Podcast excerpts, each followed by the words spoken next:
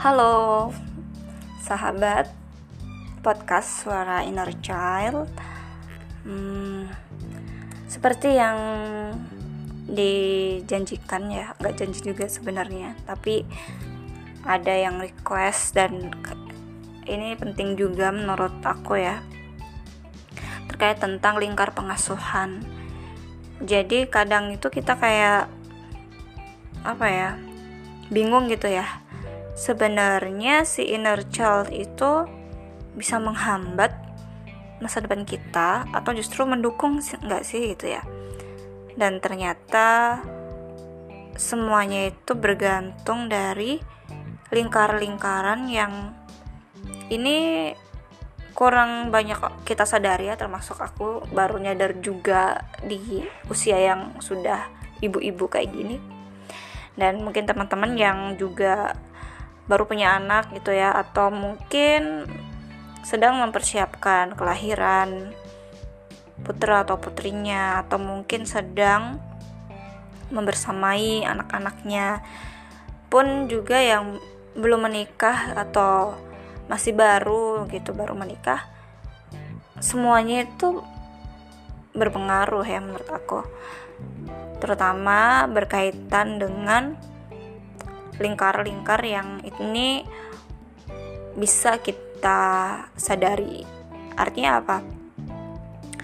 Kadang kita kayak uh, menyalahkan dalam tanda kutip kok aku dulu diasuh seperti ini sih kenapa sih orang tua aku melakukan aku seperti ini memperlakukan mungkin kurang nyaman uh, bikin gak uh, bikin kita takut gitu dan seterusnya.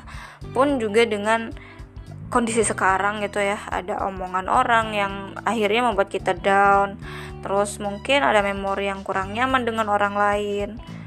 Atau mungkin kita lagi baca media sosial jadi kayak terserap gitu ya energi kita sehingga kita jadinya gak produktif dan terus menerus uh, lemah gitu ya Lingkar pengasuhan ini bukan berarti hanya berlaku kepada kita sebagai orang tua ataupun kita sebagai anak dari orang tua kita, tapi juga kendali terhadap diri kita sendiri. Setidaknya ada tiga yang apa ya membuat kita bisa mengenali diri kita, harapan-harapan kita, hal-hal apa yang sebenarnya ingin kita lakukan untuk bisa mewujudkan impian-impian atau tujuan kita. Yang pertama adalah circle of control atau lingkar kendali yang ada di dalam diri kita. Contohnya, misalnya emosi-emosi kita, inner child juga masuk ke dalam sini.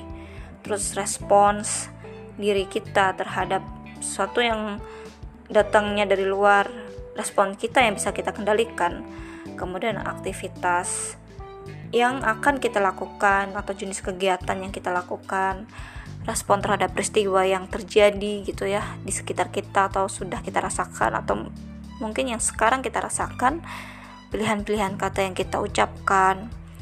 Pun cara-cara kita mengisi waktu pun uh, masuk ke dalam lingkar kendali. Termasuk teman ngobrol tontonan teman yang bisa kita pilih gitu. Jadi circle of control itu sangat berpengaruh gitu ya terhadap masa depan kita.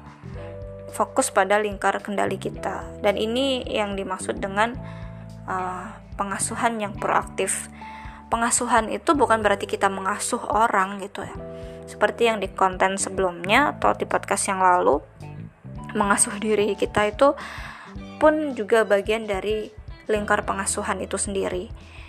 Mengasuh itu kan membasuh, memberikan pendidikan, memberikan wawasan, memberikan energi, mengecharge atau mengisi sesuatu yang sebenarnya itu kosong, kemudian kita isi atau mungkin kita mengurasnya eh, yang mungkin penuh kepala kita atau pikiran kita sehingga kita bersiap juga untuk terus mengisi terisi dan tangki-tangki pengetahuan serta tangki cinta kita jadi penuh jadi bisa ditularkan ke orang.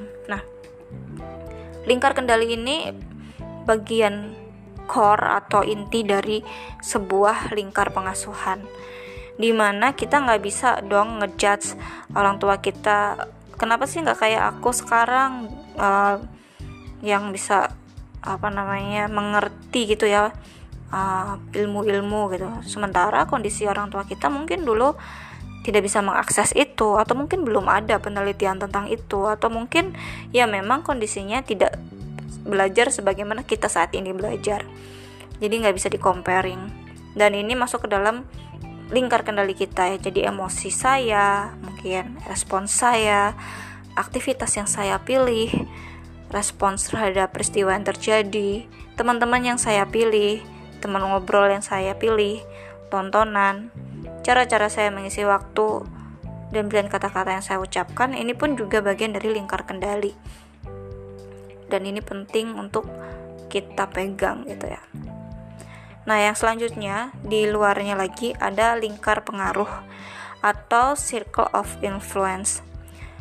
Dalam hal ini kita uh, punya yang namanya kendali ya yang sebenarnya bisa kita pengaruhi tapi dia ada di luar kendali kita walaupun sebenarnya tidak 100% bisa kita pengaruhi pun kita bisa dipengaruhi loh oleh lingkar pengaruh itu sendiri gitu. misalnya uh, kesehatan kita kan nggak bisa kendalikan itu ya misalkan di masa pandemi covid-19 kita nggak bisa mengendalikan covid kan nah ini juga masuk ke dalam lingkar pengaruh kesehatan pekerjaan sikap-sikap anak kita, perilaku pasangan, terus uh, respons keluarga, kondisi lingkungan, kegiatan anak-anak kita. Ini masuk ke dalam lingkar pengaruh di mana dia ada di luar diri kita yang bisa dipengaruhi baik melalui ucapan dan tindakan. Artinya kita masih bisa mengisi atau memberikan pengaruh kepada circle yang ini tapi tidak sepenuhnya bisa 100% sebagaimana kita mengendalikan lingkar kendali atau circle of control yang di core yang awal tadi. Nah, lebih jauh lagi yang nomor tiga yaitu lingkar peduli atau circle of concern. Kita concern ke mana? Ini sebenarnya sangat jauh ya, kita sangat tidak bisa mengendalikan ini gitu. Tapi kita bisa bisa kok mengendalikan dalam artian kita bisa kok nggak peduli dengannya gitu. Contoh ya omongan orang ya. Kebijakan pendidikan kita juga bisa kontrol kan. Terus opini-opini orang terhadap kita gaya pengasuhan orang lain terus berita-berita tentang selebgram lah artis uh, penyanyi dan seterusnya gosips perselingkuhan. Intinya kita nggak bisa uh, mengendalikan itu ya. Huru hara yang ada gitu ya di luar misalkan lagi hype di media dan seterusnya. Ini bagian dari lingkar peduli.